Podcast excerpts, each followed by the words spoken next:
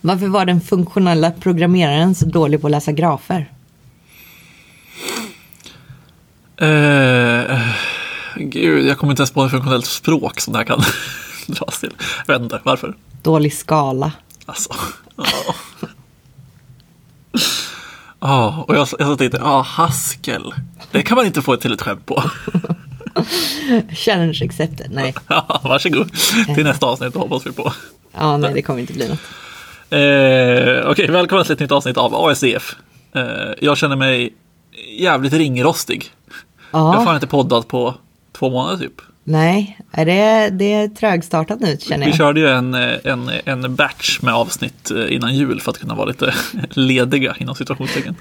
Um, och det funkar bra ändå. Men nu är det ju exakt så här segstartat var jag liksom efter jul med jobbet också. Ja, alltså jag vet inte, jag bara har en känsla av att så här obekväm har jag nog inte känt mig på länge. Lite så. Ja. Ja, men det, det förstår jag. Jag vet inte, jag hade liksom extremt tungt att komma tillbaka på jobb, till jobbet. Ja, alltså jag hade nog snarare så här att jag hade otroligt mycket ångest över att komma tillbaka till jobbet. Jag ville verkligen, verkligen inte, men första dagen där så rivstartade det bara. Och då har det bara rullat sedan dess. Ja, men det är nog nice. Jag tror min startsträcka var typ en vecka innan jag kände att ah, men nu börjar jag. Nu har jag vant mig att jobba igen. Och då hade jag bara varit ledig, vadå, två veckor typ över jul. Ja, jag väl ledig fyra veckor. Ja, exakt. Kanske, du, kanske, du kanske kom över liksom någon puckel där, att du, när du väl kom tillbaka så hade du en energi. Ja, för jag tror fjärde veckan så kände jag mig nog stress... Äh, tre och en halv dag. För att sista, sista tiden gick jag åt till att stressa över att jag var tvungen att börja jobba igen. Så. ja, men du hade en, ändå en, en halv vecka Ja, för jag kollade på mitt sömnmönster. Det var någon vecka då jag faktiskt sov mer än åtta timmar eh, per, varje natt. Och det har ju inte hänt sedan jag skaffade min jävla Apple Watch faktiskt. ja, men det är ju spännande ändå. Men det är fan kul att vara igång igen tycker jag. Jag är ändå taggad.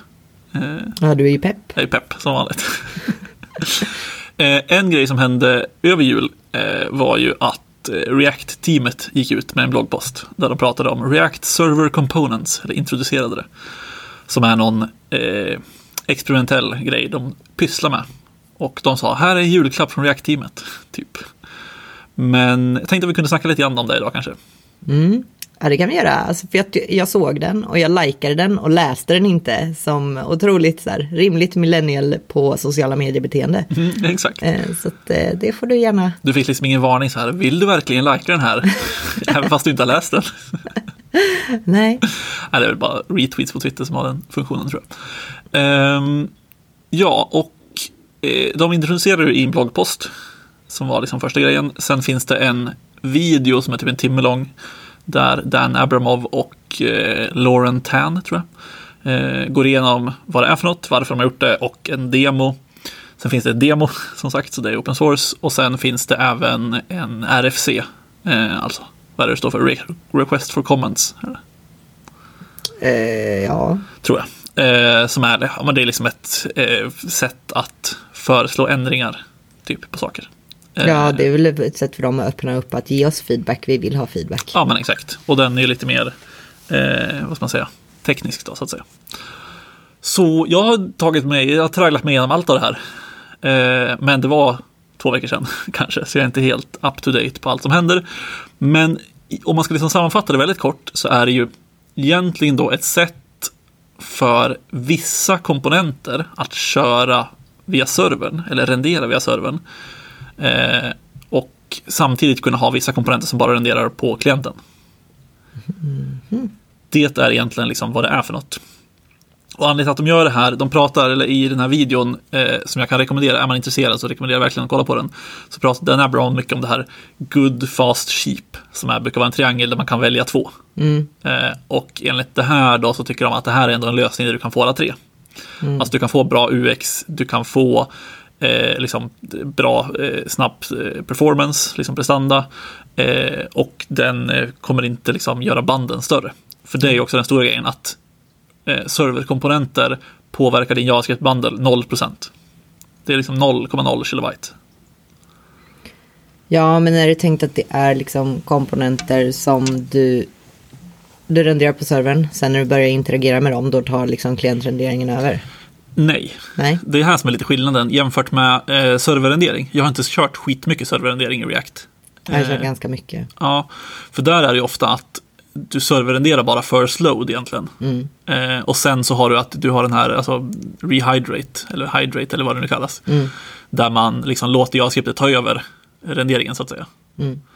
Och i det här fallet så är det egentligen en av de stora skillnaderna att här kan du liksom fetcha om dina serverkomponenter hur många gånger du vill. Mhm. Så att de kommer alltid, en serverkomponent renderas alltid på servern. Okej, men då är det ändå då kommer man ändå vilja välja sådana komponenter som inte är eh, liksom att du som användare i UX vill ha, eh, heter det immediate, eh, oh, direkt återkoppling är det jag försöker säga. Eh, ja och nej kanske. Det finns lite så här fasta begränsningar eller hårda begränsningar. Eh, det är typ att serverkomponenter inte kan eh, ha något state eller interaktivitet. Alltså det vill säga de kan inte innehålla use state eller use effect eller sådär. Då blir det ingen interaktivitet från en användare liksom. Nej, exakt. Eh, och de kan inte ha typ eh, interaktioner med domen eller de kan inte ha click handlers och såna här grejer. Ja, okej. Eh, så att det är liksom en hård begränsning som finns. Mm. Och eh, sen tror jag den andra begränsningen är att den props de tar måste vara alltså serialiserbara. Alltså kunna serialiseras till JSON i stort sett. Så att du kan till exempel inte skicka in en funktion, för den kan man inte serialisera. Nej. Eh, och sen finns det väl några fler eh, undantagsfall som inte kan serialiseras. Men det är typ de begränsningar som finns. Sen då eh, gör ju det inte så mycket. Jag, ska, jag kan ta ett exempel snart eh, som, jag, som jag tycker liksom illustrerar jävligt bra vad det är för något.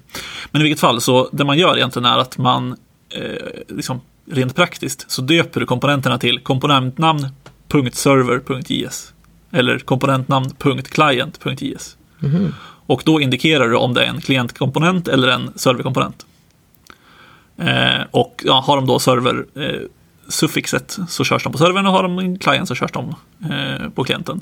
Lämnar du eh, liksom det där suffixet helt och hållet så att de inte har något av dem, då säger man egentligen att den här kan körs på båda ställena. Mm. Så att ja, den kan dyka upp som att klienten renderar den om det är så, men är det så att servern renderar den, då kommer den renderas på servern. Liksom. Men då skulle det fortfarande innebära att den måste ha de restriktionerna. Exakt, precis. Så att det blir fortfarande samma restriktioner, men den liksom säger att en klientkomponent renderar en komponent som inte är spesad, liksom. Då kommer den förmodligen renderas av servern. Eller förlåt, av klienten såklart. Eh, och tvärtom då, om serverkomponenten renderar den så kommer den renderas av servern. Om det liksom är ett barn till en serverkomponent. Ja. Ehm, Ja, kan serverkomponenterna ha klientbarn? Ja. Mm. Ehm, och det här är också lite coolt för att det som händer när eh, servern renderar de här, det är inte att den skriver ut det till liksom de objekt eller liksom HTML eller någonting sånt. Inte heller JSON, utan det är liksom något annat. Eh, exakt vad det är, är liksom, jag tror att det är något som är specifikt till just React Server Components. Så det, den datan som skickas mellan servern och klienten är liksom något som är det här är bara för React Server Components, det här är den datan den behöver. Varför det är gjort så vet jag inte. Jag tror att de går in, de går in lite grann på det i RFC och varför det funkar så och hur det ser ut. Liksom. Eh, men det känns som att är man intresserad av det kan man läsa den så att säga. Men mycket av det den möjliggör är bland annat att eh, till exempel då i ditt fall som du sa att du har en serverkomponent som har ett, eh, ett klientkomponent som barn. Om serverkomponenten ska renderas om, säg att vi ändrar props på den till exempel. Då kommer ju den requesta den från servern och så kommer servern svara med det här datat. Mm. Och då kommer fortfarande statet i klientkomponenten som den, eh, som den liksom har som barn. Det kommer fortfarande behållas. Så det är en stor skillnad till exempel också med server, serverrendering. Att där blåser man ju ut och liksom så här staten försvinner. Men här kan den behålla allting och det är för att de har gjort massa smart i React då. Som håller koll på om det här är liksom barnkomponenter och om de är klientkomponenter med state eller inte. Ja, just det. Fan avancerat. Det är, när jag började kolla på det här så kände jag, fan det här kommer bli komplext. eh, och liksom så här, fan, och kände liksom att ja, det blir liksom ett, ytterligare ett abstraktionslager på något sätt. Ja. Eh, jag skulle säga att det krävs liksom någon typ av Node-server i bakgrunden också. Eh, jag tror att det är bara där det funkar med just nu. Vet inte om det finns planer på att det ska funka med andra backends, men det är liksom som det, som det är uppsatt just nu. Sen ehm, det här demot är också väldigt eh, coolt. Jag kan förklara. Alltså det är bara egentligen en så här to-do-app typ, eller note-app. Liksom. Du kan skriva anteckningar i den, i stort sett. Ehm, och det är liksom det, det är hela appen. Men den visar ganska bra på saker man kan göra. Och det de har till exempel då är en eh, sökkomponent som är serverrenderad. Och, eh, eller resultatkomponent kanske man ska säga snarare. Själva inputen är ju då eh, såklart klientrenderad för att den måste ha lite DOM-hantering och liksom så här on-change handlers och sånt. Mm. Men själva resultatlistan, liksom den som visar resultatet och den som gör själva sökningen, den är serverrenderad. Och det enda de gör i det här exemplet, det är att de skickar in en prop som då är typ search string, vilket då är det man söker på. Och det som händer är att varje gång du ändrar den proppen, då kommer den då gå till servern och eh, hämta den här komponenten. I serverkomponenten, och det här, nu är det blir lite, lite mindfucket, det de gör i det här exemplet, och de rekommenderar att man inte ska göra så här, men det är liksom bara för att bevisa att det går, är att de eh, använder i komponenten, så använder de Node för att querya en databas direkt i komponenten med SQL. Oj. Läsa upp resultatet baserat på den här proppen och sen rendera ut det då. Oj. Ja, Vänta vem renderar? Alltså är det den här serverkomponenten som renderar eh, klientbarnet med inputfältet? Eller eh, klientbarnet med inputfältet skickar väl liksom sin... ja men att alltså, det här, jag tror att inputfältet och listan är nog inte de är inte samma hierarki så att säga. Nej okej, men då, då får du ändå den här söksträngen från inputkomponenten Ja, precis. och passar den som propp. Precis, så den passas till en propp till liksom den här serverrenderade listan. Som sen då Gör med en SQL, SQL-fråga. Ja. Går direkt till en databas via Node. Eh, får tillbaka resultatet och då har ju den resultatet så då skickar den bara upp datan då för hur det här skulle se ut. Och sen kommer det renderas. Ja. Ehm, och det är ju jävligt coolt. För att helt plötsligt så behöver du inget API. Nej. Ehm, I verkligheten vill man förmodligen inte göra ett SQL-anrop rakt upp och ner i, i koden. Men du kan ju ha liksom något annat. Ett, ett annat abstraktionslager som du läser vad du nu vill läsa. Ehm, du kan till exempel läsa från disk. Om du skulle vilja det. Ehm, så det är mycket sådana här grejer som blir jävligt coolt helt plötsligt. För att istället då för att göra ett API-anrop, då ändrar du bara en prop. Och så sker det automatiskt. För att den kör på, på server, eh, liksom, serverdelen. Och då har ju den tillgång till sådana saker. ja, lite sjukt alltså. Och stökigt. Det, jag tror att det kan säkert bli jävligt stökigt. Men det de liksom eh, pushar som mycket fördel med det här är ju att det blir liksom en hybridapp mellan server och klient. Och att den skalan är ju så här ganska eh, arbiträr eller sliding. Liksom. Alltså så här, du kan bestämma på en case by case basis vad som ska vara på servern och vad som ska vara på klienten. Istället för som när man gör serverrendering oftast gör att ja, allt eller inget. Ja. Alltså det är lite för den här, alltså för jag kom väl in i just webbprogrammering, alltså fan vad lite jag kunde om webb eh, för idag. Men jag kom väl in efter hela POP-storhetstiden, vad man ska säga. Men jag har väl sett så här att folk säger nu att det här är att gå tillbaka till POP, eller tankarna som fanns. Ja, det är mycket, det är mycket memes om POP is back. Ja. Ehm, och det är väl för att det påminner lite grann om det. Eh, sen är det ju fortfarande att med POP så var det ju fortfarande att det var ju kanske mer serverrendering där. Det var liksom inte samma sak att du hade liksom så här, du spesade en komponent om den skulle vara server eller klient. För ska du köra den på klienten med POP så behöver du ju JavaScript liksom. Ja. Ehm, så att jag skulle säga att det, det är väl, jag, jag fattar folks memes. Ehm, men det kanske inte är en helt rättvis liksom, liknelse. Nej.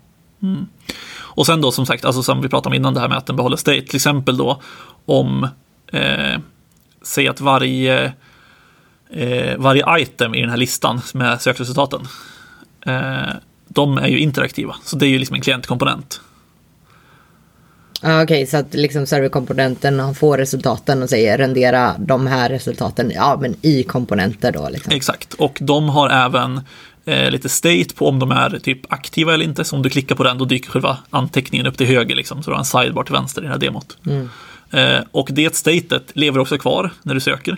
Så att när du liksom söker och den, säger att den du har valt fortfarande är kvar i listan, då kommer den fortfarande ha kvar sin markerad state liksom. Just därför du inte wipar något state. Exakt. Däremot då ligger det väl på att då behöver du väl egentligen uppdatera ditt state beroende på gamla och nya eh, saker du får in i klientkomponenten då antar jag. Ja, alltså det, det blir ju liksom inte så stor skillnad vad man behöver göra i vanliga fall. För det som kommer hända är ju att den här listan uppdateras bara. Och sen vilken som är aktiv, det spelar ju egentligen ingen roll.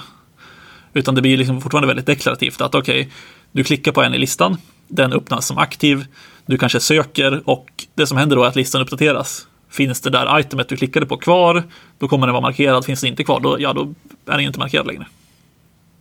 Ja, om man inte söker igen och den går tillbaka, är den fortfarande markerad då? Jag skulle tro det. Ja. Eh, inte testat i demot faktiskt, men eh, det är en bra fråga. Eh, så att liksom sådana där saker är väldigt, väldigt spännande. Ja. Det är ju sådana där saker som kan driva en till vansinne. Ja, det är det ju definitivt. Och ehm, det var någonting mer jag tänkte att jag skulle säga som jag hade precis. Eh, ja, men sen är det väl lite grann det här med att allt det här funkar med eh, suspens, också mm. out of the box. Så att till exempel om en serverkomponent tar lite längre tid på sig att svara och man har wrappat den med suspens så kan man liksom använda det som fallback för loading states och, och transitions och grejer. Ja, och suspens är den här när man säger att man, man får en fallback på loading. Så länge den fortfarande laddar så kan du visa någonting annat i gränssnittet innan det du faktiskt vill eh, visa har laddat klart. Exakt. Och eh, det borde vi kan nästan prata ett helt avsnitt om suspens också för det var en jävla lång resa för React på den vänster. Liksom med suspens och det som inte finns och det som finns i React nu och allt som är experimentellt och ja. Ja, för att de backade väl lite med det där just för serverrenderingen. Eh, liksom det här första caset vi pratar, inte det här då. Utan att du renderar komponenter både servern och klienten. Det klarade väl inte suspens där från början och då tror jag de väntade lite med att släppa allt. Mm, nej men exakt, så nu finns det liksom vissa delar av suspens som, mm. man kan, som de rekommenderar att använda. Väldigt dålig på att använda suspens hittills eh, faktiskt. Eh, jag vet inte om det blir så tidspress eller man inte har tänkt på det än. Vi borde göra det mer i projekt tror jag. Ja, men det känns som att det är liksom en, en jag tror att det mycket kommer nog från kommunikationen eh, som React-teamet hade när de lanserade det. Att det var så här, titta vilken cool grej vi har gjort, använd inte än. Ja. Och sen bara, fast den här grejen, den kan ni använda. Men inte det här, fast ja, det här är typ klart. Men är förresten, vi, det här kommer vi dra tillbaka. Vi måste tänka lite till på det. Suspens ja. kommer snart, tre år senare. För ett tag när, det, när de pratade som mest var det det här finns i alfan. Mm. Men använd inte det i produktion. Så då vet jag att jag använder det i någon typ av så här hack, eh, hackathon, inte hackathon men hackday eh, mm. liksom. Och sen har jag nog glömt bort det tror jag. Ja, nej, men precis. Nej, det är väldigt, eh, det är liksom kraftfullt som fan. Men man liksom tänker aldrig på att använda det typ. Nej. Det är så lätt att bara göra en if loading.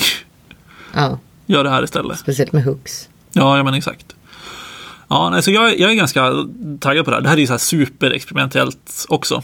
Mm. Eh, så att de är väldigt så här, använd inte det här i produktion. Eh, försök liksom inte ens göra det. Lär inte ut det på, i, i liksom kurser eller någonting sånt, utan det är liksom absolut inte klart. Det kommer säkert ändras jättemycket när det är klart. Och de har ju uppenbarligen av den kommunikationen lärt sig av suspensfiaskot, eh, kanske man får säga ändå. Ja, nej, för jag läste, för jag gick in på fel dag när jag skulle kolla igenom det här lite fort tänkte jag. Så att jag missade ju bloggposten utan jag gick in på videoposten. Mm. Och där står det verkligen så här, vi har börjat kommunicera här för transparens och inte för att det egentligen är någonting som är klart liksom. Utan det är verkligen, vi vill att ni ska se vad som händer. Eh, så, och sen med de andra som du säger, använd inte det här nu, please. Mm. Nej men exakt, så det ska bli väldigt spännande att se liksom fortsättningen hur det, vart det landar. Jag tror ju att eh, i mångt och mycket tror jag det kommer hjälpa mest för alltså, olika frameworks som typ Next till mm. exempel. De kan ju ta, ta, använda det här tror jag på ett väldigt, väldigt bra sätt. För där har du ju liksom att du kör en Node-server också redan nu. Och då kan man liksom inkorporera det här på ett mycket smidigare sätt än om man bara har kört liksom en statisk app liksom redan. Ja, men det, det, är ju intressant om man, om man kollar de use casen och vad det öppnar upp för. Som till exempel nu så sitter jag ju i en, eh, ja, men i en klientrenderad applikation liksom. Där vi har jättemånga stora komponenter som gör GraphQL-frågor eller eh, restfrågor liksom för att hämta all data.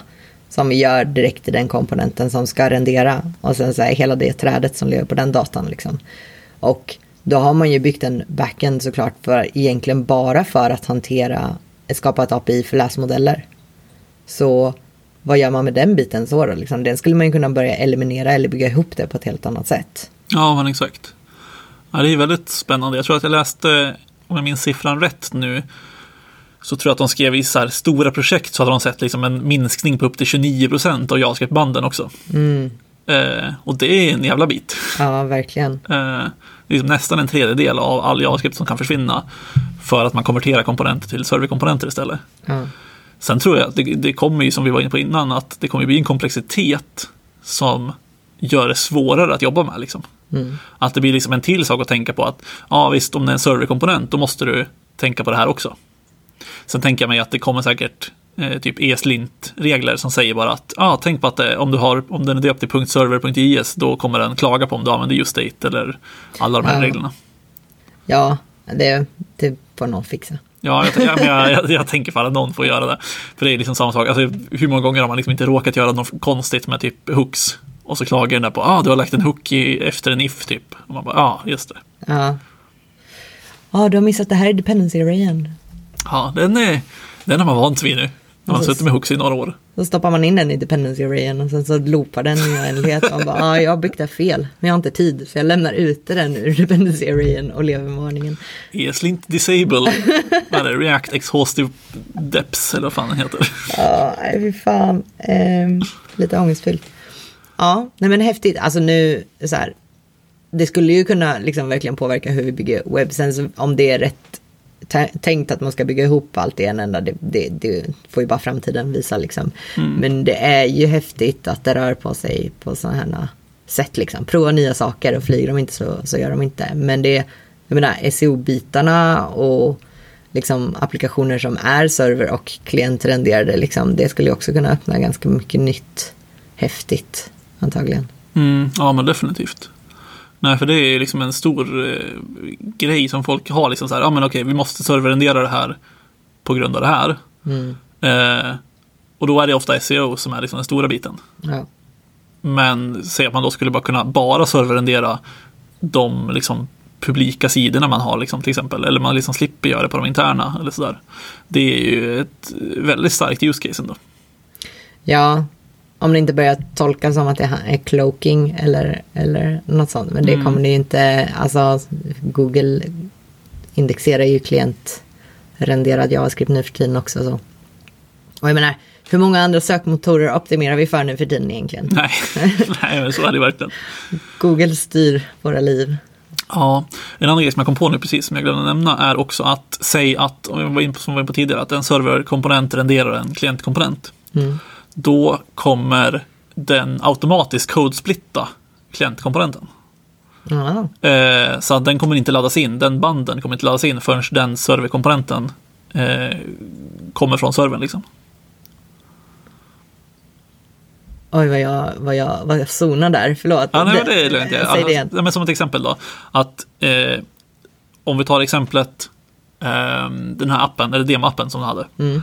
Då säger att vi har en, vi kan ta det exempel vi hade. Vi hade listan Mm. med, eh, som var serverrenderad. Just det, sökresultaten. Ja, exakt. Men sen varje item i listan, eller varje träff i listan, den är klientrenderad. Mm.